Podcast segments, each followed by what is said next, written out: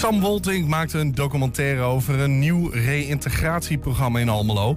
Dit programma moet gedetineerden beter laten terugkeren in de maatschappij. De documentairemaker en projectmanager bij het Huis van Herstel zijn zo bij ons. En ze komen er weer aan, de jeukrupsen, je weet wel. De gemeente Enschede begint morgen met de bestrijding van de eikenprocessierups. Vraag eens een beetje of dat nog wel zo'n groot probleem is. En het is de derde maandag van de maand. Dat betekent dat er in Hengelo een nieuwe editie is van het 120-programma Hengelo Spel. En een terugblik op de Enschedese marathon van gisteren. En een nieuwe editie van In Depot. Met dit keer aandacht voor, jawel, de zaaiviool.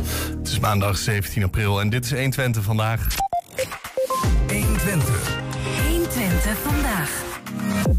Ja, gisteren stond in het teken van twee marathons in Nederland. De marathon van Rotterdam werd verlopen, gelopen en de marathon in Enschede. Laatstgenoemde had zijn 53ste editie, die zondagmiddag werd gewonnen door een debutant. Onze collega's van RTV Oost maakten daar een samenvatting van. Kenianen, Ethiopiërs, Oegandezen.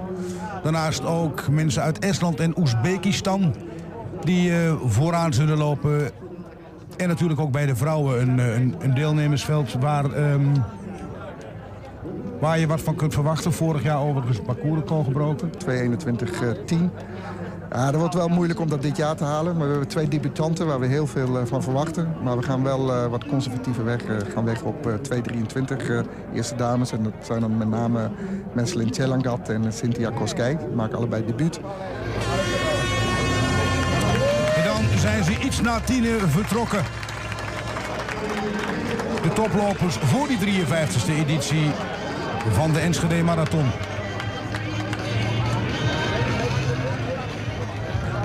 Kijk eens van de mensen. Terwijl we hier eh, de haas op het klokje zien kijken. In dit geval is dat Solomon Boyd, de Keniaan. Maar we zien wel dat de, de groep uh, nog niet uh, echt achterduikt. Dat er niemand initiatief neemt om dat, dat gat dicht te lopen. Ik ga ervan uit dat, dat Solomon gewoon het goede tempo loopt. Omdat er achter even de, de, de pickorde wordt bepaald. Wie, wie is hier de baas en wie moet het regelen? Wie is de patron? En dit is dan wel de eerste groep bij, bij, de, dames. bij de dames. Shirin Jepkourier Toroitic, de Keniaanse. In het groen-blauwe tricot. En bij de mannen willen ze nog niet echt met de haas komen. Hè? Nee. dat moet gewoon echt wat strakker. En de, de strijd om de winst wordt toch pas in de laatste 10 kilometer gedaan. En daarvoor is het eigenlijk gewoon samenwerken. Kijk, als je allemaal goede, goede tijd wil lopen...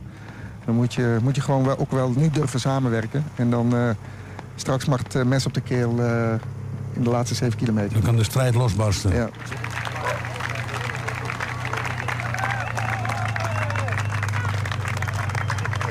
En hier die groep daarachter. Met daarbij ook de eerste dame of dames. Ja, de eerste dames zitten daar zitten een viertal dames bij elkaar. En nou lijkt het gat met de haas en de groep wat groter te worden. Het kan optisch bedrog zijn, maar... Maar ze hebben wel, ja, en ze zitten gewoon flink boven het schema. 15-16 voor de haas, 15-20 voor de groep daarachter. Er is ooit in een heel ver verleden, een jaartal moet ik u even schuldig blijven... een haas geweest die de marathon won. Ja, 2011. Dat is, Oh. het, uh, dat is die 2027. Ja, en, en die zou dus inderdaad uh, ook als haas fungeren. Maar die dacht, uh, ik loop lekker door. Nou ja, dit, die ging heel goed. Had ook heel goed getraind. En uh, een jaar later was hij Olympisch kampioen. Dus uh, zo'n hele slechte was het ook niet. Vrouwen komen langs bij de post. De verversingspost inderdaad. Ja, hij is blij. Fles goed aangegeven.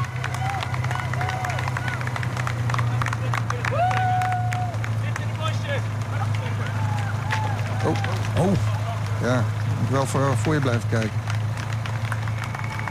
En zo zagen we ook nog even de aanwijzingen van Niels de Pas. Hem in het zwarte tricot met de gekleurde horizontale banden. U zag dat. In van de Local Heroes. We zien dat hier eh, bij de vrouwen toch iemand moet lossen. Van die groep waar eh, ook Niels de Pas nog in zit. En nog eh, drie dames. Ja, Negede, de Ethiopische, eh, moet eraf. Zij eh, kan dit, eh, had het hoge tempo, wat ook wel eh, hoger is dan eh, voorzien, niet meer volgen. Moet hopen, hopen dat, dat ze nog met die eh, 225 groep straks kan aanhaken. Terwijl Kipsambo er nu toch wel echt af moet. En dat is, dat is te vroeg. Om nog iets te doen in deze wedstrijd is het, is het te vroeg om er nu af te gaan. Het is ook niet dat, dat ze zich aan het, voor, aan het opbranden zijn en dat hij een verstandige keuze maakt. Dit is gewoon niet, niet kunnen op dit moment. Met hier weer het oog op Niels de Pas. In de groep van de eerste dames. Die dus wel op een heel mooi schema lopen van rond de 221. In dit geval aangevoerd door een man met 49. Timon Kipkitic, de Keniaan. Kort daarachter Jacqueline Cherono. En met 28 nu in beeld. Shirin Torotic. Met 28 dus. Hier na bijna een uur en een kwartier koers bij de mannen. Hele marathon. Moet, eh, De kop van de wedstrijd. ja, dan moet uh, Tjemonges eraf. Ja, inderdaad. Door eh, de kluwen heen is dat te zien. Ja, en dat is eh, ook wel pijnlijk. We zitten natuurlijk richting de 25 kilometer. En eh, dit is het hotel waar de atleten verblijven, Broeiert. Fletcher Hotel. Vlakbij het stadion. Ja, als het pijn doet, dan is het nu wel verleidelijk om eh, de kamer op te zoeken. Maar goed, op 25 kilometer mag het eigenlijk eh, nog geen pijn doen. Maar uh, Tjemonges moet er nu af. Dat is toch ook een uh, mannen met een snel persoonlijk koord, 205. Hij, hij hangt daar achter de groep. Een meter of tien. Ja, en ook Edwin uh, moet eraf. Die heeft het... Leek net nog beter uit te zien dan uh, Tjemonges. Maar hij moet, uh, moet er echt harder af dan uh, Tjemonges op dit moment. Neemt de Haas maar weer eens wat afstand. Ja, hij is heel goed in keerpunten en verbochten. hij doet het goed. Hij gaat de 25 kilometer in ieder geval halen. Dat gaan we hier zien. 1.16.17. Uh, ja, we wel echt uh, te langzaam hoor. En stopt, er, uh, stopt ermee. De haas gaat eraf. Boyd uh, heeft er genoeg van. Hij 25 kilometer geprobeerd die groep op gang te trekken. niet helemaal gelukt, maar kunnen we hem niet echt verwijten. Hij heeft het echt wel geprobeerd. Het is gewoon daarachter dat ze niet... ze wilden er niet achteraan, zeg nee. maar. Een paar schrikken ervan.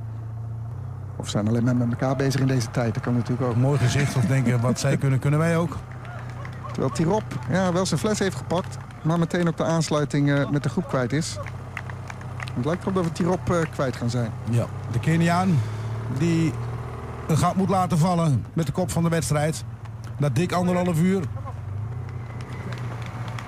Het 30 kilometer punt bij de vrouwen. En dan wordt het weer rekenen. 1,41 rond zo'n beetje. Ja, dan zitten ze precies op 2,22 uh, blank te koersen. Maar is het wel de uh, die uh, nu af moet. Dus uh, de dame in het zwart. Zij laat uh, en de Haas gaan. Maar kan nog wel straks aanpikken bij, bij Niels de Pas. En Gerono moet nu ook Niels de Pas laten gaan. Die, die komt straks alleen te lopen. En er zit echt nog wel de vaart in. De eerste vrouw met 28 dus. Op jacht naar de zege en op weg misschien wel naar de zege. Shelin Jepkourier Torotic. Voluit. Aangevoerd door de man daarvoor. Die haar dus uh, op sleeptouw neemt. Timon Kipkitic. Alfred Barkac. Bernard Kebiego. En Bonivas uh, Kiblimo. Die vier die, uh, die lijken er nu vandoor te gaan. Tarabat wil nog wel een poging doen om, om terug te komen. Gaat daar Raymond Choker voorbij. Maar Tjemonges zijn we denk ik kwijt. Maar wie gaat er toch als eerst? Ja, daar lijkt wat ja, te gebeuren. Moses uh, Kipmetic is uh, degene die, uh, die zegt het gaat gebeuren. Verkleint zijn pas wat en versnelt. En is Barkats die goed kan aansluiten. Kipiego die, die ook meeschuift. Die dan kijkt waar blijft Kiplimo. En Kiplimo is de die eerste moet die moet passen. Hier de eerste vrouw bij het 35 kilometer punt. Dan zitten ze op, dat goed, 1,57 eh, in de 40, zoiets. 55. Dan zitten ze net eh, boven de 2,22 eh, te koersen. Torotic dus. Kipjego kan het toch niet helemaal volgen. De sterkste benen, de langste adem. Voorlopig is het Alfred Barkas die dat heeft. Want Bernard Kipjego lijkt daar niet meer bij te komen. Nee, hij, is, uh, hij is los, uh, Alfred Barkats. Wel het vertrouwen om in de laatste twee kilometer te doen. Niet eerder. Maar lijkt nog steeds niet uh, heel veel moeite te hebben met, met dit tempo. Ja, ze zijn wel wat gezakt in tempo. Hoor. Want als die tussentijden kloppen... dan is tussen 30 en 35 is het vrij moeizaam gegaan.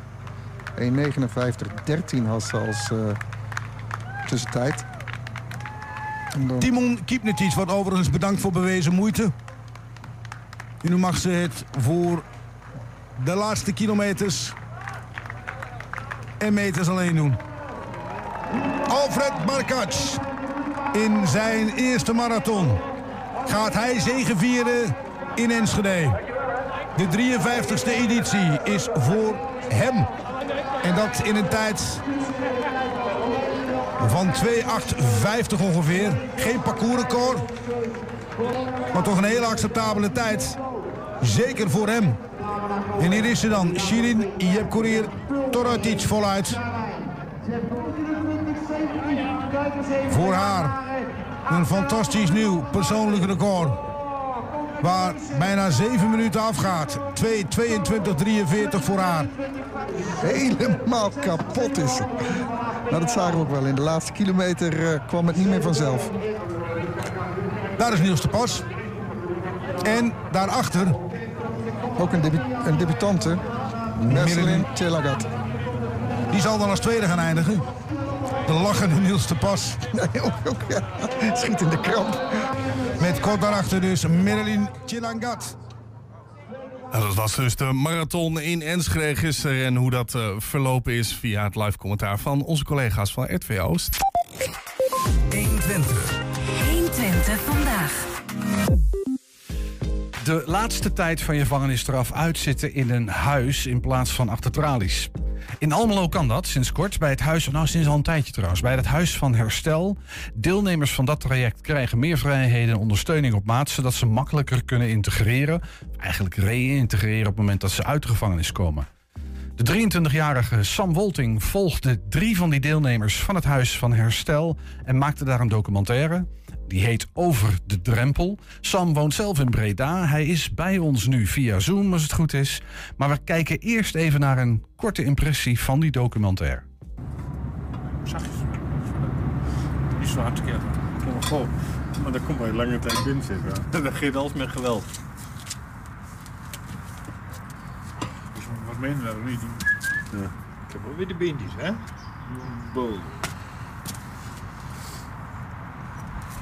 Boom. tweede moment Nee, nog nooit. Ja, één keer eigenlijk. Had ik net ook. Ik heb hem alweer om. Ik ben blij dat ik dat niet heb. Nu hebben jullie toch allemaal met een rare kassie dan? Dat was een klein, uh, een klein fragmentje van Over de Drempel, de documentaire die Sam Wolting gemaakt heeft. Sam, jij hangt aan de lijn als het goed is. Hallo. Hallo. Ja, wij kennen elkaar toevallig. Wij gaan wat langer terug. Hi Sam, leuk om je even te zien. Hallo, hallo. Um, aangeschoven is ook uh, Anushka Thalen. Zij is projectmanager bij het Huis van Herstel. Uh, welkom beiden. Sam had ik al welkom. Anushka, fijn dat jij er bent. Um, we beginnen even bij Sam. Uh, Sam, een documentaire. We hebben even net een klein nou ja, flitsje gezien. Um, maar kan jij in het kort schetsen, nou, als we de hele documentaire zien, wat we dan ongeveer zien? Waar gaat hij over? Uh, in de documentaire zien we uh, dus drie, deze drie heren zien we uh, ja, op verschillende manieren omgaan met de reïntegratie. Dus we zien bij iedereen een ander aspect van wat er allemaal bij komt kijken van het reïntegreren. Dus eentje die begint weer met een baantje, de ander die is heel veel in gesprek met zijn begeleiders en reflecteert op zijn afgelopen reïntegratietijd. Ja, en eh, zijn gewoon hun weg aan het vinden om, eh, om weer succesvol terug te kunnen keren na hun eh, detentie in, naar de samenleving. Ja, precies. Deze mannen hebben hoe lang vastgezeten, Sam? Weet je dat? Ehm, rond de drie jaar. Dat verschilt een beetje. Het, wel, wel allemaal langer dan een jaar, sowieso. Een flinke Ja, tijd. En die kan. zijn, die zijn nu aan het reïntegreren. Dus die, die zijn in ieder geval in de tijd dat jij je docu maakte, zaten ze in een reïntegratie. Zijn ze inmiddels op vrije voeten gereïntegreerd?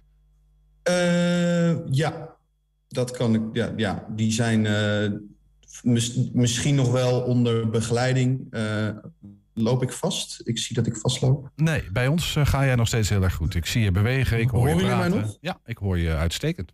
Hoor jij mij? Het lijkt erop... eh, nou, Uska, gaan we even naar jou. Misschien dat Sam zo meteen er weer in komt. Eh, ik, ik hoor weer een aarzelende... eh, eh, eh. ehm, We gaan, we gaan even naar, eh, naar Anushka totdat Sam helemaal helder en scherp weer terug is. Eh Anushka, deze, deze mannen zijn op vrije voeten. Ja. Maar ik hoorde net zeggen, ze zitten nog in begeleiding. Dus volgens mij gewoon het reclasseringstraject, kan ik me voorstellen, of niet? Ehm, ja, klopt. Niet allemaal, maar En eh, eh, eh, volg je, want jij bent projectleider van dit huis van herstel. herstel. Met misschien heel even, want wat voor, dat is een uniek project, begrijp ik. Ja, het is een eh, pilot eh, van dienstjudiciële samen, justitiële inrichtingen samen met de Twentse gemeente en eh, de reclasseringsorganisaties.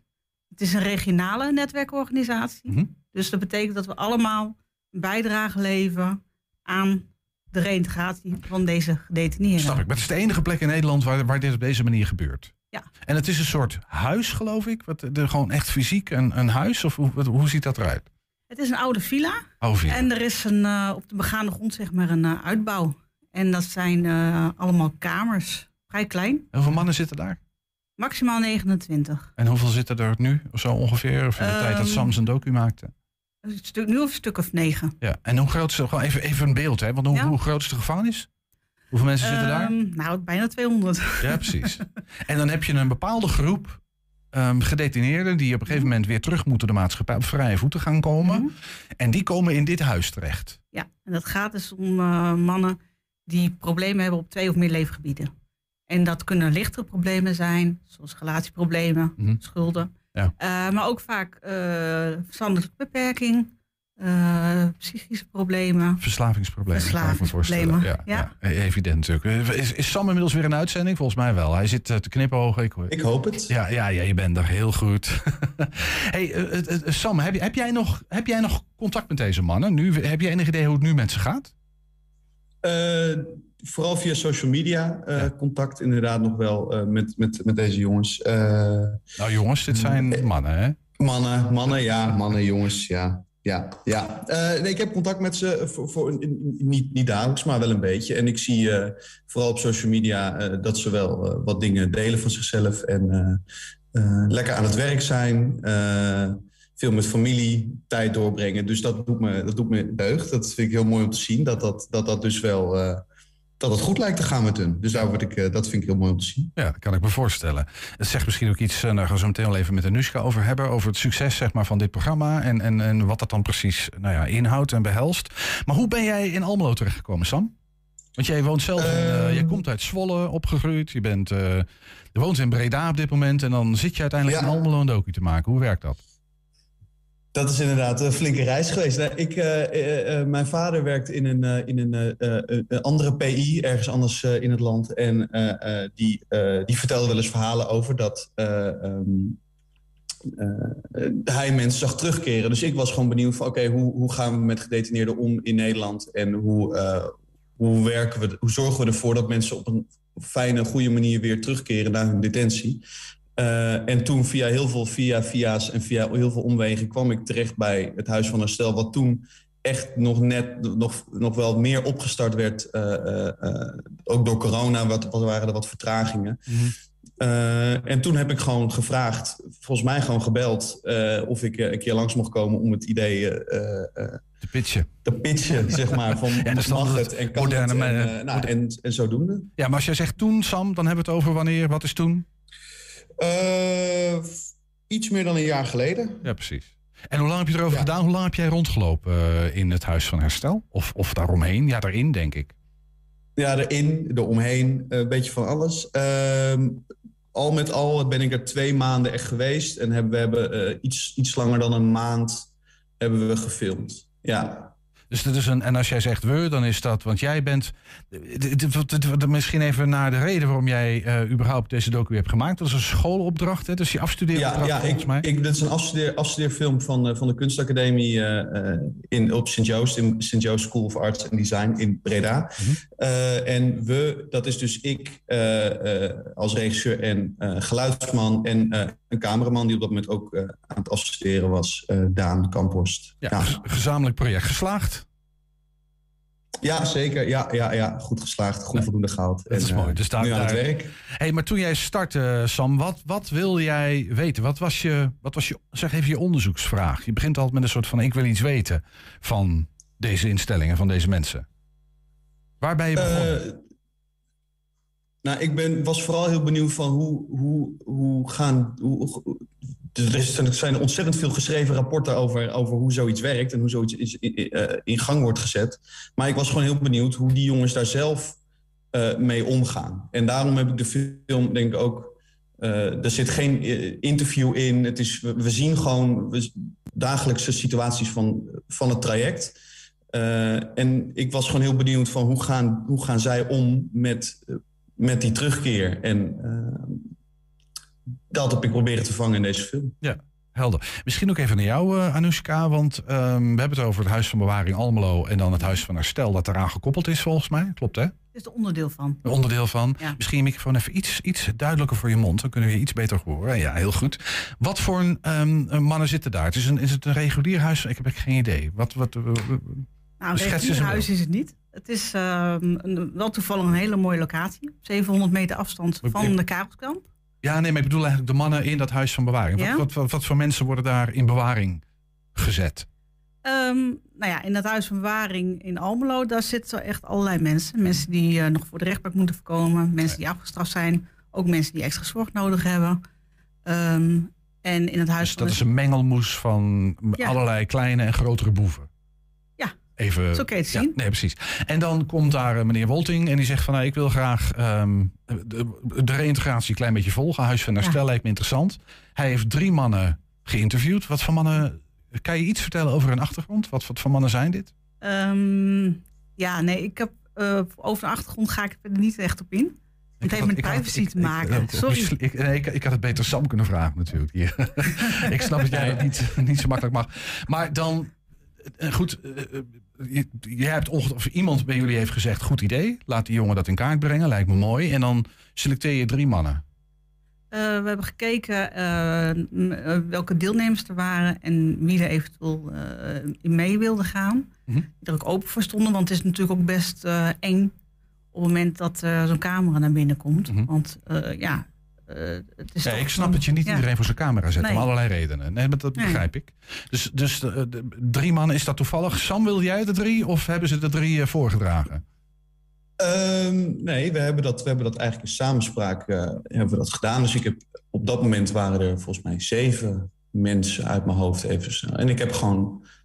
op een gegeven moment werd toen, het was toen een soort akkoord van je, je mag het gaan doen. En toen heb ik gewoon aan iedereen eigenlijk gevraagd van... joh, wat, zou je het willen? Uh, en sta je ervoor open? En nou, er waren ook, waren ook uh, één, sowieso één jongen, die, één man die, die, die, die, wil, die, die wilde het wel. Maar nou, na, na een weekje of twee zei hij toch van, nou, ik wil het toch niet. Dus nou, dat, dat, dat is ook, weet je, dat ging allemaal best wel vanzelf. En op een gegeven moment bleven er dus drie, drie, drie mannen over die ja, die dat gewoon die, die dat oké vonden en dat ook die, die, het belang van de film ook inzagen. Snap ik. Was, was dit voor het eerst, Sam, dat jij met uh, gedetineerden of mensen, nou ja, met toch een randje, zeg maar, in aanraking kwam op deze manier? Of was dit uh, voor jou gesneden koek?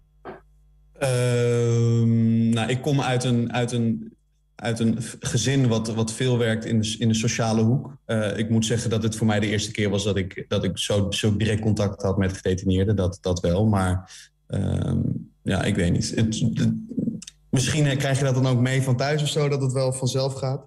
Voor mij was het niet, eh, ja, het was niet heel eh, moeilijk of, eh, of eng of spannend of zo. Nee.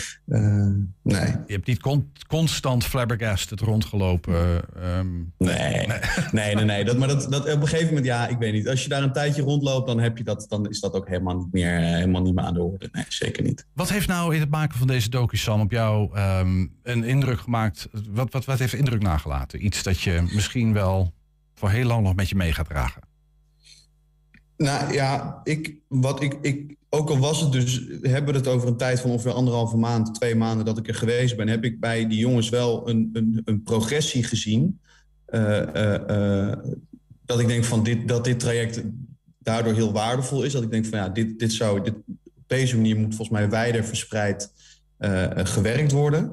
Eh, want ik heb gewoon echt bij, bij- bij, een van de mannen in ieder geval echt wel een verschil gezien toen ik daar voor het eerste keer naar binnen liep en toen ik daar voor het laatste keer weer wegging. Kan je dat schetsen? Eh, wat, wat, wat, wat is het verschil? Wat, wat zijn dan concrete dingen waar deze mannen aan moeten werken? Of waar ze tegenaan lopen en, en waar ze Nou, dan een stap moeten maken? in eerste instantie veel opener zijn voor dingen die misschien onbekend zijn. Eh nou, dat komt misschien ook, hè, iemand leert mij dan ook beter kennen. Maar ik zie gewoon iemand die, die nog wat schuchter is en het moeilijk vindt om sociaal contact te maken. Eh, eh, ook omdat iemand dan al een tijdje vastzit. Tot, tot, een, tot een man die heel zelfverzekerd, ook met die camera erbij, heel zelfverzekerd is. eh, weer contact heeft met zijn, met, met zijn familie. en gewoon weer er tegenaan wil gaan. En ook echt het verleden in het verleden wil laten. En dat vond ik gewoon heel mooi om te zien. Ja. Herkenbaar, jij, jij, zei- jij zit te knikken aan Nushka, is dat herkenbaar? Ja, het is heel herkenbaar. En een van de kernwoorden is ook zelfvertrouwen. Eh, Want je hebt zo'n enorme bagage, een verleden, er zit Ja. schaamte. Van, en Ja. je moet terug in een wereld die misschien nou ja, een hele tijd uit- bent geweest. En misschien in zekere zin nooit helemaal in hebt gefunctioneerd zelfs. Klopt. En En- mensen zitten niet voor niks in de gevangenis. En de gevangenis op zich, dat is ook al een wereld. Ja. En eh, het is behoorlijk eng om dan weer naar buiten te gaan. Ja. Dus, Dus dat, herstel van zelfvertrouwen heel belangrijk. Ja. Misschien nog even naar het Huis van Herstel. Want daar zit eh, een, een bepaalde groep gedetineerden. Niet elke gedetineerde komt per se, net, dat kan ik me voorstellen, in het Huis van Herstel, toch? Klopt. En wat, wat, wat, eh, wie komt daar wel en wie niet? Wat zijn de zo even ruwe scheidslijnen? Nou, wat ik eerder zei, het uh, probleem op twee of meer leefgebieden. Dus het Mhm. kan heel divers zijn. En daarnaast moet je vooral gemotiveerd zijn. Hoe, hoe toets je dat? Ik bedoel, Ehm, er, in- er wordt een eh, uitgebreide intakeprocedure gevolgd. Waarbij eh, meerdere malen met een potentiële deelnemer eh, wordt gesproken. Ja. Eh, door een case manager, een psycholoog. En uiteindelijk maak je een inschatting van dit is geschikt voor deze persoon of het is gewoon niet geschikt. Kan ook. Klopt, die inschatting maken we. En ook met die persoon wordt een soort van plan van aanpak gemaakt. Schat je dat wel eens verkeerd in? Ehm, ja, er zijn ook mensen die zijn teruggeplaatst, zeker. Nou ja, ik vraag het ook een beetje omdat dit, eh, dit, dit traject. ehm, je krijgt een aantal vrijheden in dit traject die je anders niet zou hebben, kan ik me voorstellen. Anders heeft het niet zoveel zin. Ehm, de vrijheden zijn wel binnen het wettelijke kader Ja. wat er ligt. Dus het is niet dat we zomaar extra vrijheden eh, uitdelen. Alleen de locatie is de een met een laag beveiligingsniveau. Dus er zit een hek omheen, maar het hek staat open. Oké. Dus ze kunnen gewoon naar buiten als ze dat willen. Ja, maar daar zijn afspraken over. Nee, dat snap ik. Dat is niet de en dat, bedoeling. dat is het mooie. Ja. En op het moment dat iemand die afspraken zou schenden, heeft het ook consequenties. Juist. En dan moet je dus ook een inschatting maken van het risico. Van welke mannen zet ik hierin? Ja. Nou, zeg even, wie is er vluchtgevaarlijk? Ik pak nu maar even een term die ik Ja. wel eens in eh docus heb gehoord. Klopt. Maar, maar dat, dat is dan wat er feitelijk aan de hand is. Ja. Hè? En mocht hij op vrije voeten zijn, welk risico loopt dan eventueel een Ja. samenleving? En het is ook de afweging van, oké, eh, misschien heeft iemand wel een risico, maar die komt op korte termijn vrij. Wat is dan een keuze? Laat je vanuit een detentie waar iemand gehospitaliseerd is en gewend is om zelf niks te doen of heel weinig te doen en geactiveerd wordt door anderen, eh, zet je die weer buiten neer met een blauwe zak? Ja. Of ga je toch nog proberen om de nodige contacten te leggen, het netwerk eh, een beetje te framen, zodat iemand eh, beter eruit gaat en ook ergens terecht kan, bijvoorbeeld? Je vertelde net dat een van de deelnemers de Enschede-marathon heeft gelopen. Ja, Afgelopen, eh, nou, gisteren was Ja. dat. Ja. En in, in de goede tijd. Maar het- dat zijn voorbeelden van om iemand de ruimte te geven om gewoon weer een stap te maken richting de normale samenleving. Ja. En, en hoe, hoe komt zo'n persoon terug dan? Die heb, jij, heb jij aan de meet gestaan gisteren? Of Nee, helaas niet. Ik hoorde het vandaag. Mhm. Dus, Oh. eh, dus dat was jammer.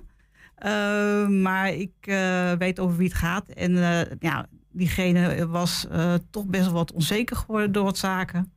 En ehm, die heeft ook verteld van joh, eh, ik keek vroeger toen ik verslaafd was, eh, keek ik altijd naar die marathon. En had ik al zoveel respect voor die mensen. En, nu liep ik daar en nu keken andere oud-verslaafden zeg maar naar mij. En dat was zo emotioneel voor hem. Ja. Ja, een succeservaring. En een overwinning. En die hij goed, goed kan gebruiken ook. Hey, de pilot loopt nu hoeveel jaar? Uh, vanaf 2021. Ja. Dus hij, het is het tweede jaar dat hij, dat hij nou draait. Succesvol tot nu toe? Ja, jij uh, gaat geen nee zeggen, kan ik me zo maar voorstellen. nou, weet je wat het is? Uh, als je praat over zwaardere problematiek hè, die er ook tussen zit. Mm -hmm. Dat zijn mensen die, daar kan je van niet van zeggen van ja, die recidiveren wel of die recidiveren niet. Dat, dat het gaat, recidiveren is terugvallen in, in oude fouten. Ja. Terugvallen in oud gedrag. Ja. ja. Dus als iemand minder recidiveert of minder snel, minder zwaar, en liefst natuurlijk helemaal niet, dan is dat al winst. Dus we doen ook onderzoek, maar dan vooral op kwaliteitsaspecten. Zo van uh, wat het heeft bijgedragen aan de participatie in de samenleving. Want uiteindelijk word je weer burger en word je geacht om deel te nemen aan die samenleving. En uh, dat zijn ook maatstaven waar we naar kijken. En de, misschien dan, we gaan een beetje richting een afronding, maar dan tot slot, wat is dan de waarde voor de samenleving van zo'n huis van herstel zoals dat uh, in Almelo bestaat? Um, de waarde is dat wij uh, tijdens detentie al veel dingen doen. Uh, praktische zaken, maar vooral ook echt hulpverlening, intensieve hulpverlening kunnen bieden. zodat mensen beter voorbereid zijn op de terugkeer. En zich beter staande kunnen houden met een netwerk in de samenleving. Dus ook een prettige buurman weer zullen zijn. Ja, dus, ja zo zeggen. Ja, precies. Daar komt dan op. Het, het, het, ja.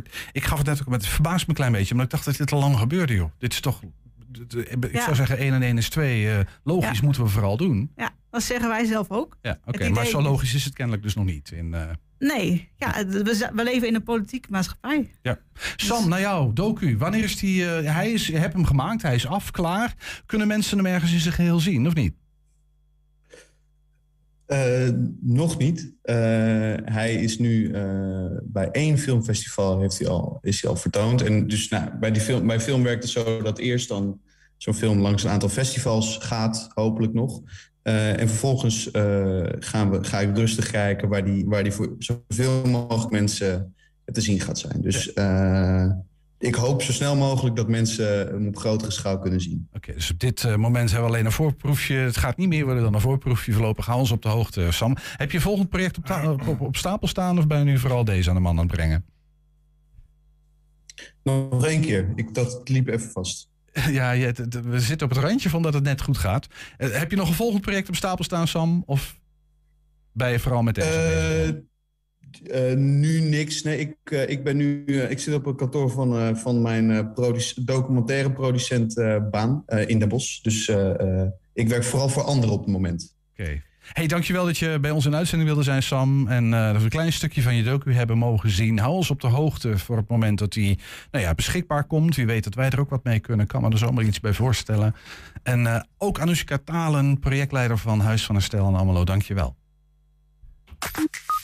Zometeen, ze komen er weer aan, de jeukrupsen. De gemeente Enschede begint morgen met de bestrijding van de eikenprocessierups. Maar is dat nog wel zo'n groot probleem? 120. 120 vandaag.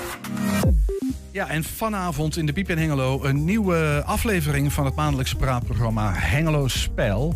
Collega Niels Veurlerink is daar de aanvoerder, presentator, uh, opperhoofd, alles wat je wil.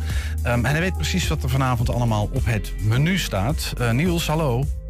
Hey, goedemiddag. Hi, goedemiddag. Hoe gaat hij daar in Hengelo? Ja, prima. De zon uh, schijnt hier soms ook, hè, als de wolken even weg zijn. Fijn, dus, ja, heerlijk op zich. En we zitten hier in de biep, we zijn volle voorbereiding voor vanavond. En vanavond staat de uitzending van Hengelo Spel uh, helemaal in het teken van één thema. Dat hebben we nee, in de afgelopen jaren in ieder geval niet, niet vaker zo gedaan. alles te maken met de april-mei-staking. De, nou ja, in deze contraille onder een select gezelschap de beroemde april-mei-staking die een klein beetje in het niet is gevallen bij de februari-staking, hè, die eigenlijk ja. minder groot was. We hebben het over staking in de Tweede Wereldoorlog. Juist, ja. Die, die februari-staking waar jij het over hebt was in 1941. De april-mei-staking, die begon op 29 april 1943. En nou ja, waarom staat nou Hengelo er dit jaar zo uh, ontzettend bij stil? Dat is omdat het 80 jaar geleden was, maar vooral omdat het een uiteindelijk landelijke staking werd. Die begon in Hengelo. En even voor eh, de duidelijkheid, we hebben het niet over een staking zoals we die de afgelopen tijd zien, bijvoorbeeld van chauffeurs of uh, treinmedewerkers of zo. Ehm, die staken om een betere CAO. Nee, we hebben het over eh, een groep mensen die werken voor bijvoorbeeld Stork in Hengelo, die op een zeker we zijn het zat dat er ehm, druk is vanuit de Duitse bezetter uh, om mogelijk ook straks voor hen te gaan werken. En zelfs mensen die naar Duitsland zouden moeten. Nou is er een moment in, op 29 april dus, waarop de Duitse bezetter aankondigt dat 300 Duitsers, 300.000 Nederlandse oud-militairen die verloren hebben van de Duitsers, ehm, eh, echt als krijgsgevangenen naar Duitsland gaan worden vervoerd. Dus dit wordt voor hen werkelijkheid. En dat is eigenlijk de druppel die de emmer doet overlopen. En vlak na de middagpauze, op, op die dag, besluiten Stork-medewerkers om het werk massaal neer te leggen. En ehm, de straat op te gaan. De telefoniste van Stork, die pakt de telefoon op, die belt met haar contacten in het land. Hè, Stork, groot bedrijf in die tijd. En die vraagt aan collega-arbeiders in het land om hetzelfde te doen. Dat gaat als een lopend vuurtje.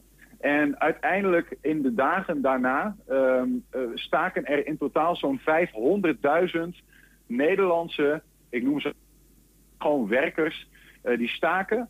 En uh, dat is de grootste, de meest massale bezet Europa in de oorlog ooit en, geworden. Ja, precies. En eigenlijk een relatief onbekend verhaal.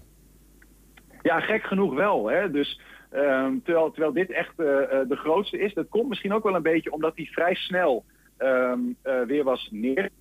Op 3 mei stopte het. En dat komt omdat ja, de Duitser uh, greep hardhandig in. Er werd zelfs een, een, soort recht ingevoerd waarbij mensen op straat gewoon um, nou ja, doodgeschoten konden worden. Ja.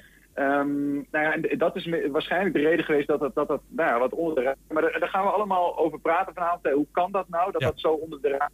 En Ja. eh, Ja. ja, wat is het gevolg geweest? Want het heeft nogal wel wat gevolgen uiteindelijk hoor, die staking. Ja, je valt heel af toe weg, maar het heeft veel gevolg gehad. Misschien nog heel even kort, Niels. Eh, wie heb je in de uitzending?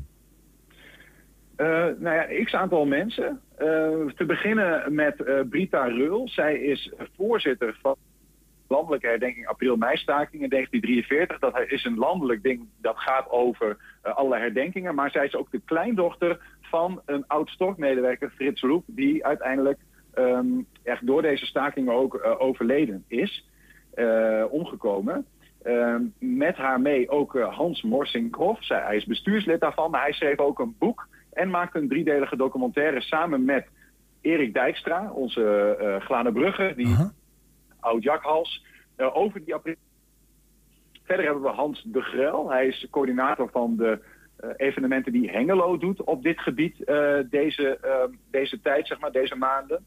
En voor de rest gaan we praten met, dat is ook leuk, met Wietse Stuiver. Hij is acteur van de Vergeten theaterspektakel op Vliegveld Twente over dit, deze staking. En we hebben Sam Noah, zij is singer-songwriter, zal ook wat zingen. Ze heeft een lied gemaakt speciaal voor onze uitzending over dit thema. En met hen eh, samen ga ik in gesprek over eh, wat moeten we nou eigenlijk met zo'n verhaal in deze tijd. Hè? Er zijn allemaal jonge mensen. Eh, wat, wat moeten wij er nou eigenlijk mee? Wat, wat leren we ervan? Ja, het, het, lijkt uiterst relevant. Historie.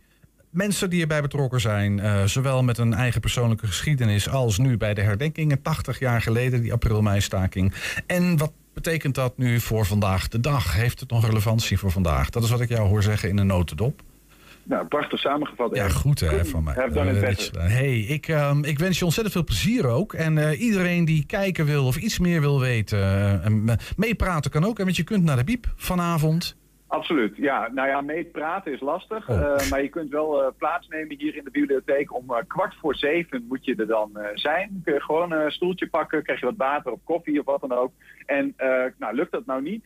Eh, zorg dan dat je om zeven uur in ieder geval voor YouTube eh, klaar zit. Het kanaal van 120 Hengelo.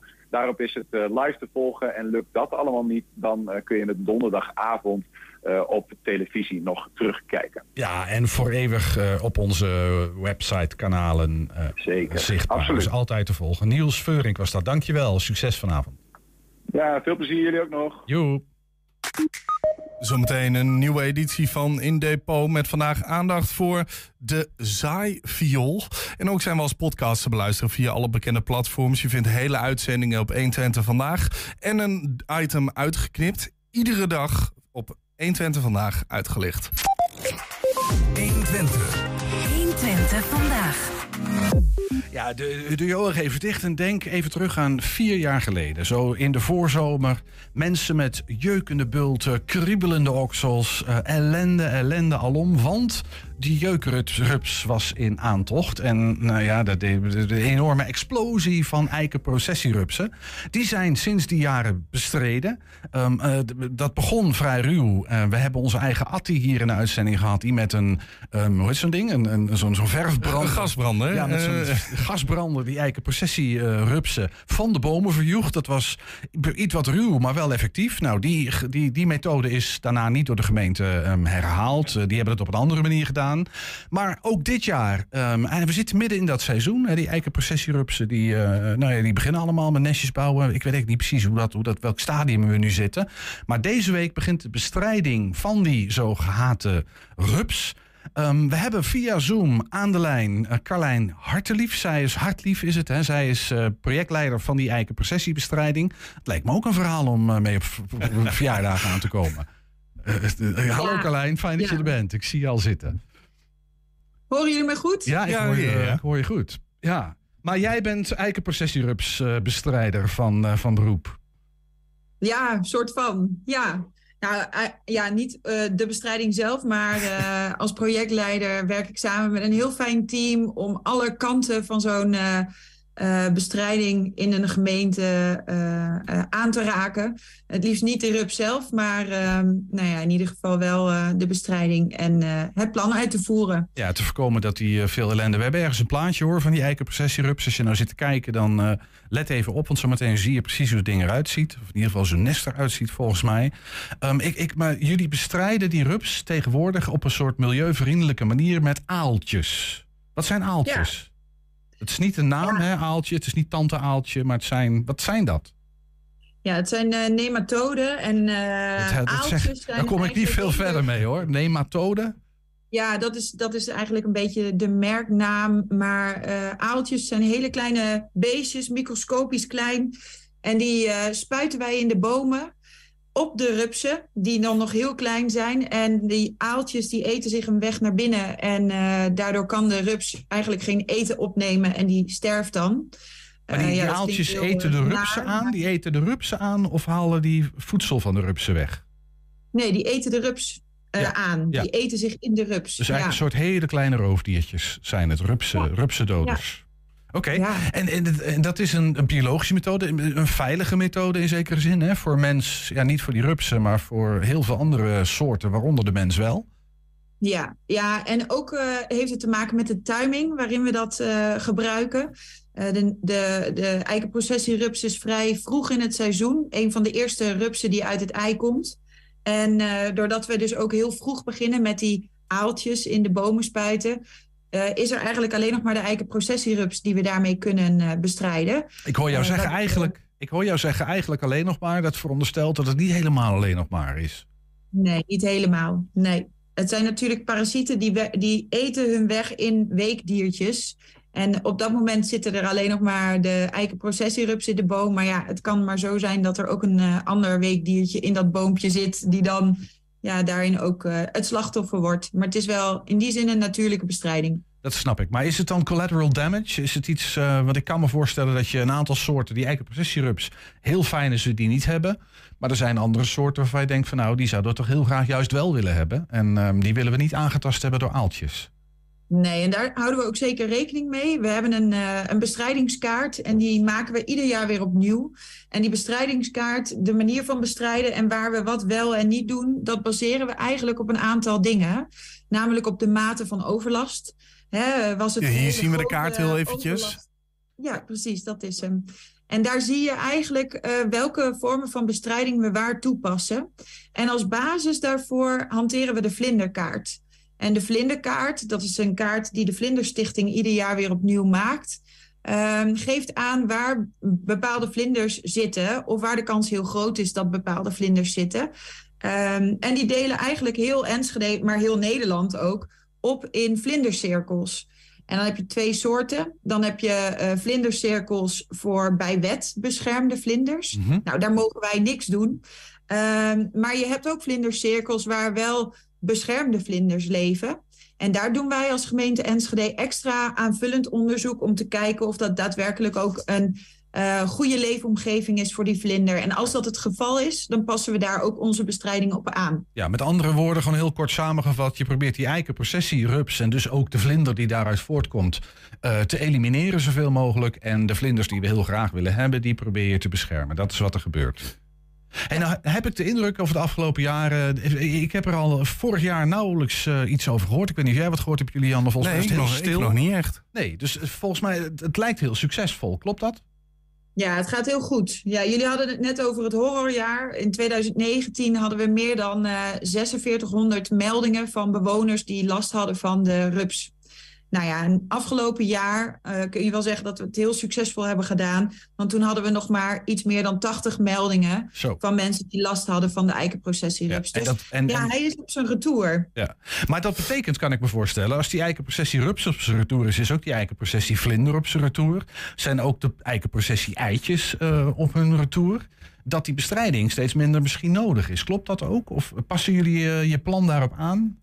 Ja, zeker. Ja, we gaan eh, in die zin ook de, de preventieve bestrijding, zoals we dat noemen, die je op de eh, bestrijdingskaart kan zien, eh, echt wel wat terugbrengen op gebieden waar de overlast veel minder is of eigenlijk niet meer aanwezig is geweest. En we gaan daar dan alleen nog maar acteren op het wegzuigen van de rupsen. Ja, want dat is een andere methode. Hè? Dat als die nesten worden gesignaleerd. daar hebben Ja. we ook ergens een plaatje van, volgens mij. Als die nesten worden gesignaleerd, dan kunnen ze worden weggezogen. Volgens mij hebben veel mensen dat wel eens gezien. Zo'n hoogwerker dat, met een eh, meneer ja, met een stofkap. hoogwerker, grote mannen in pakken. Precies. Ja, het is heel, het is heel ehm, gevaarlijk werk eigenlijk. Want als je nou ja, eh, in een eh, eikenprocessie rups een brandhaar terechtkomt... dan heb je heel snel last van jeuk, bultjes. Het is gewoon een heel naar beestje eigenlijk. En dus gaan die mensen goed beschermd de straat op. En als we curatief de rupsen weghalen... betekent dat ook eigenlijk direct dat er geen vlinder komt van die rups... die nieuwe eitjes kan neerleggen Precies. en dat daar weer rupsen uitkomen. Dus het is een hele mooie manier van bestrijden. Is het ook zo dat je eh, in andere plekken in de gemeente dit nog steeds wel een probleem is? Of is eigenlijk nu de aanpak die is gekozen, ja, eigenlijk de, de, de, het medicijn voor de, of eigenlijk tegen de antiprocessierups? De eikenprocessierups. Ja, ehm, bepaalde gebieden van Enschede bestrijden wij niet. Buiten de bebouwde kom bijvoorbeeld. Ehm, omdat daar de natuur zijn gang kan gaan.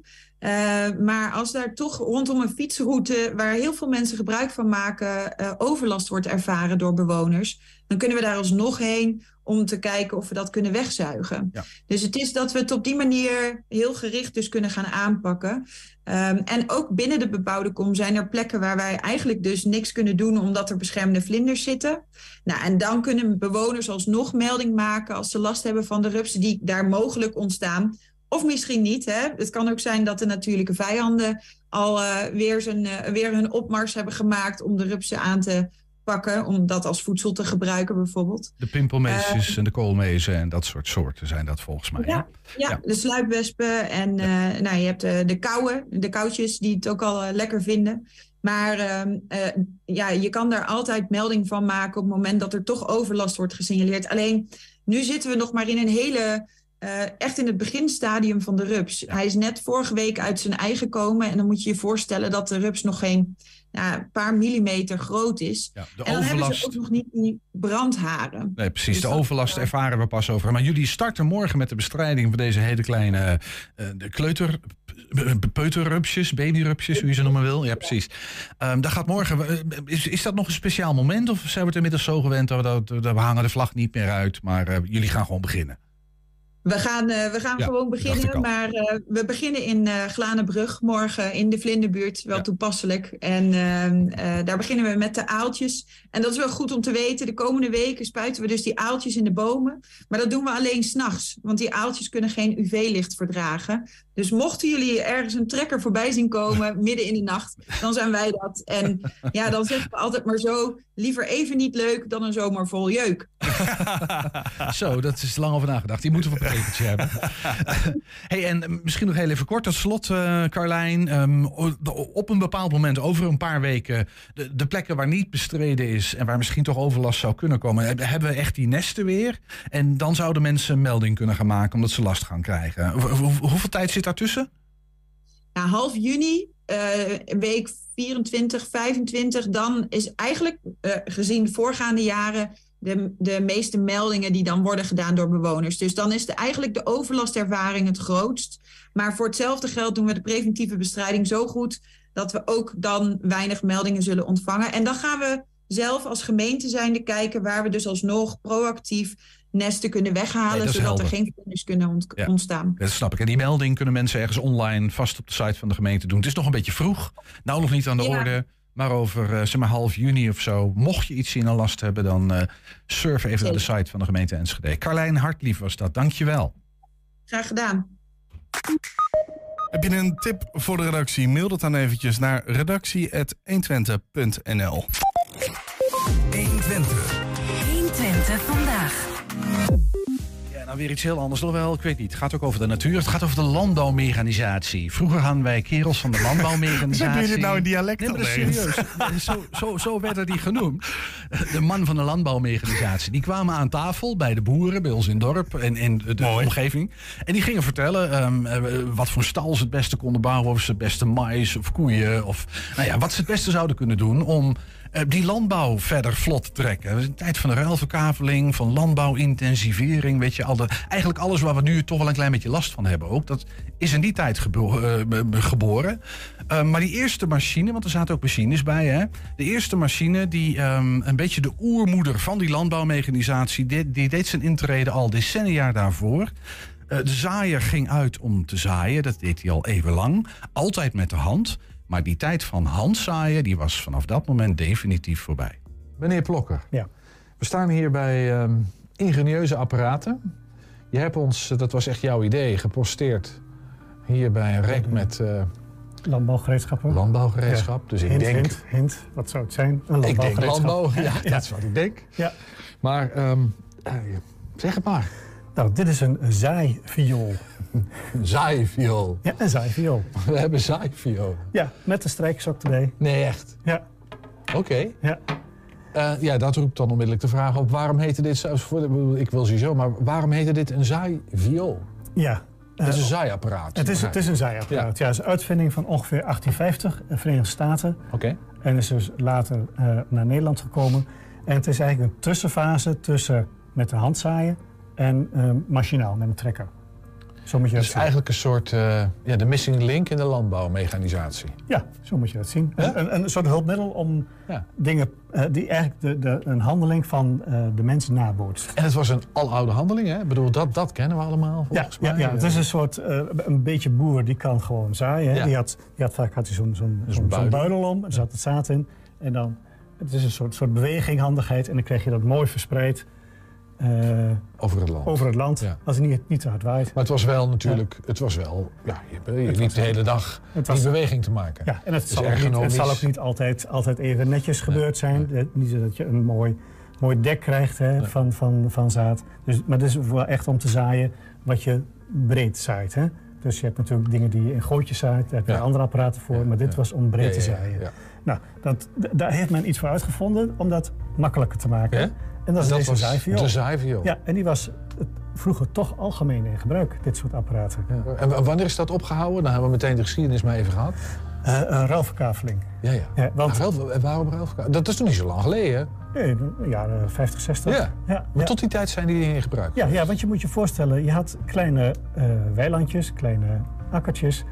Eh, daar kon je maar met een trekker niet op. precies. Dus dat, dus dat deed je met, Met de hand met, en met de hand of met hulpmiddelen. Ja. Hey, en viool en vioolstok, strijkstok? Dus je hebt een strijkstok. Ja? Nou, je moet je voorstellen, dit is, eh, eh, dit is een apparaat, dit is een bak. Hier ging het zaad in. Ja.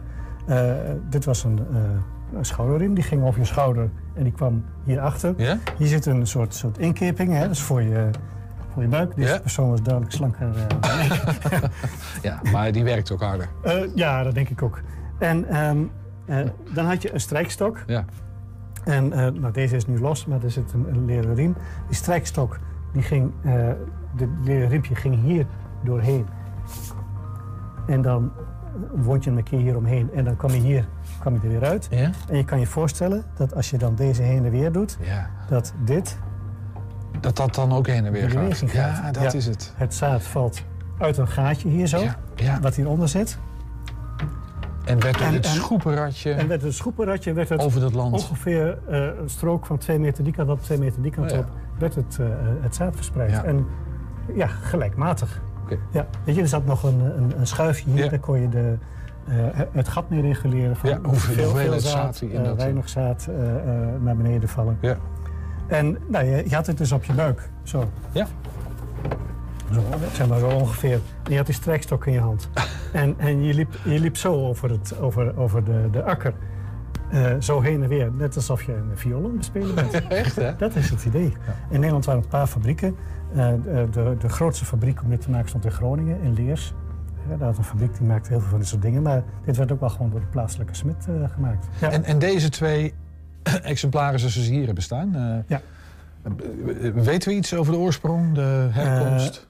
Van één, één eh, niks. Dus daar is gewoon, die is geschonken en er zijn geen gegevens bij. En bij de andere staat een stempel op. Ja, hier staat de stempel eh, Ontsmettingsdienst Enschede. Ontsmettingsdienst, Ja. Enschede. Ja. Dus, Oké, dus dus, dus, eh, wat- ja, nou ja, daar vraag ik mij... Ratten, rattengif? Ja, dat stel ik mij dan voor. Van Ja. Dat je hier natuurlijk ook gelijkmatig gif kan, gif kan strooien. Oké. Ja, ja. Waar het ook nog wel veel voor gebruikt is, ook, ook na de ruilverkaveling nog wel, is om bijvoorbeeld eh, sportvelden in te zaaien. Oh ja. Het zijn Ook kleinere veldjes. kleinere veldjes Ja. waar je niet meteen een zaaimachine hebt, maar waar je wel gelijkmatig eh, het gras eh, wil hebben. Daarvoor zijn ze na de tijd nog wel gebruikt, de zaaiviolen. Ja. En er zullen vast nog dingen, dit soort dingen, op zolders liggen in schuren Ja. van boerderijen hier Ja. in de omgeving. Ja, Dat kan ik me zo maar voorstellen. Dat kan ik me ook voorstellen. Het is wel een curieus, curieus apparaat. Buiten de boerenstand heeft denk ik niemand een idee van dat überhaupt zoiets bestaat. Nee, nee, ik maar, had, eh, eh, maar het was toch wel algemeen in gebruik.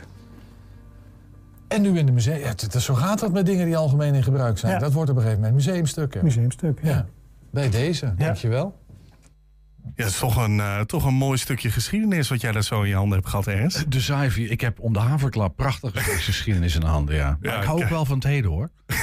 Ja, echt? Ja, echt. ze- maar ze, eh, zou het tegenwoordig nog kunnen, zo'n mooie zaaiviol? Maar- ik vind het wel een van de mooiste namen van spullen die jij in je Ja, ik, gehad. toen hij zei zaal, dan ga je toch af voor zaaiviool. Wat, wat, wat, hemelsnaam is een zaaiviool? Ja, dacht, kan ook een prachtig scheldwoord zijn trouwens, jij, jij vuile zwa- zaaiviool. kunstmatige inseminatie. Iemand die, weet je wel, illegaal te veel kinderen op de wereld heeft gezet. Wat een zaaiviool is dat, vind je niet? Ja. Zoiets, hè? Mooi, en daarmee zijn we ook aan het einde gekomen van 120 vandaag. Terugkijken, dat kan direct via 120.nl. Vanavond 8 en 10 zijn we ook op televisie te zien. Zometeen kun je op de radio gaan genieten van Henk Ketting met de ketreactie. We zeggen veel plezier en tot morgen. Tot morgen. 120 Weet wat er speelt in Twente. Met nu het nieuws van 5 uur. Ik ben Ingrid Anne Broersen. Goedemiddag. Een van de laatste kopstukken van de Mokro-maffia dit weekend opgepakt in de Dominicaanse Republiek, meldt de Telegraaf. Het is Nederlander Dennis G. die bij de groep van Ridouan Taghi hoort. De politie spreekt van een hele grote vis die al jaren op het verlanglijstje stond.